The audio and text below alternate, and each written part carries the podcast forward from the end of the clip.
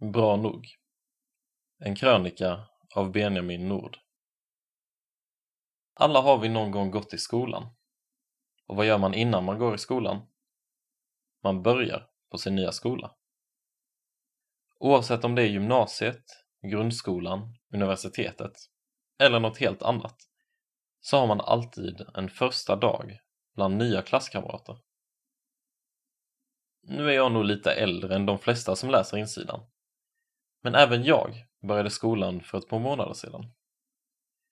Det har inneburit nya klasskamrater som jag ska lära känna, nya ämnen som jag ska lära mig och ett helt nytt sammanhang att passa in i.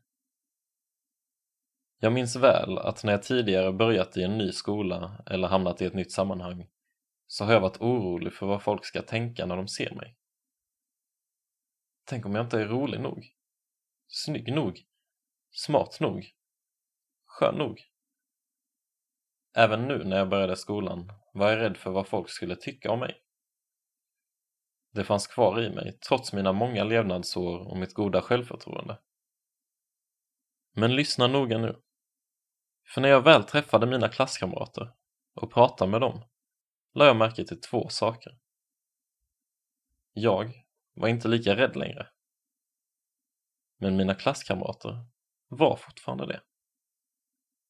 Jag tror att min rädsla dämpats i takt med att jag började umgås mer med Gud.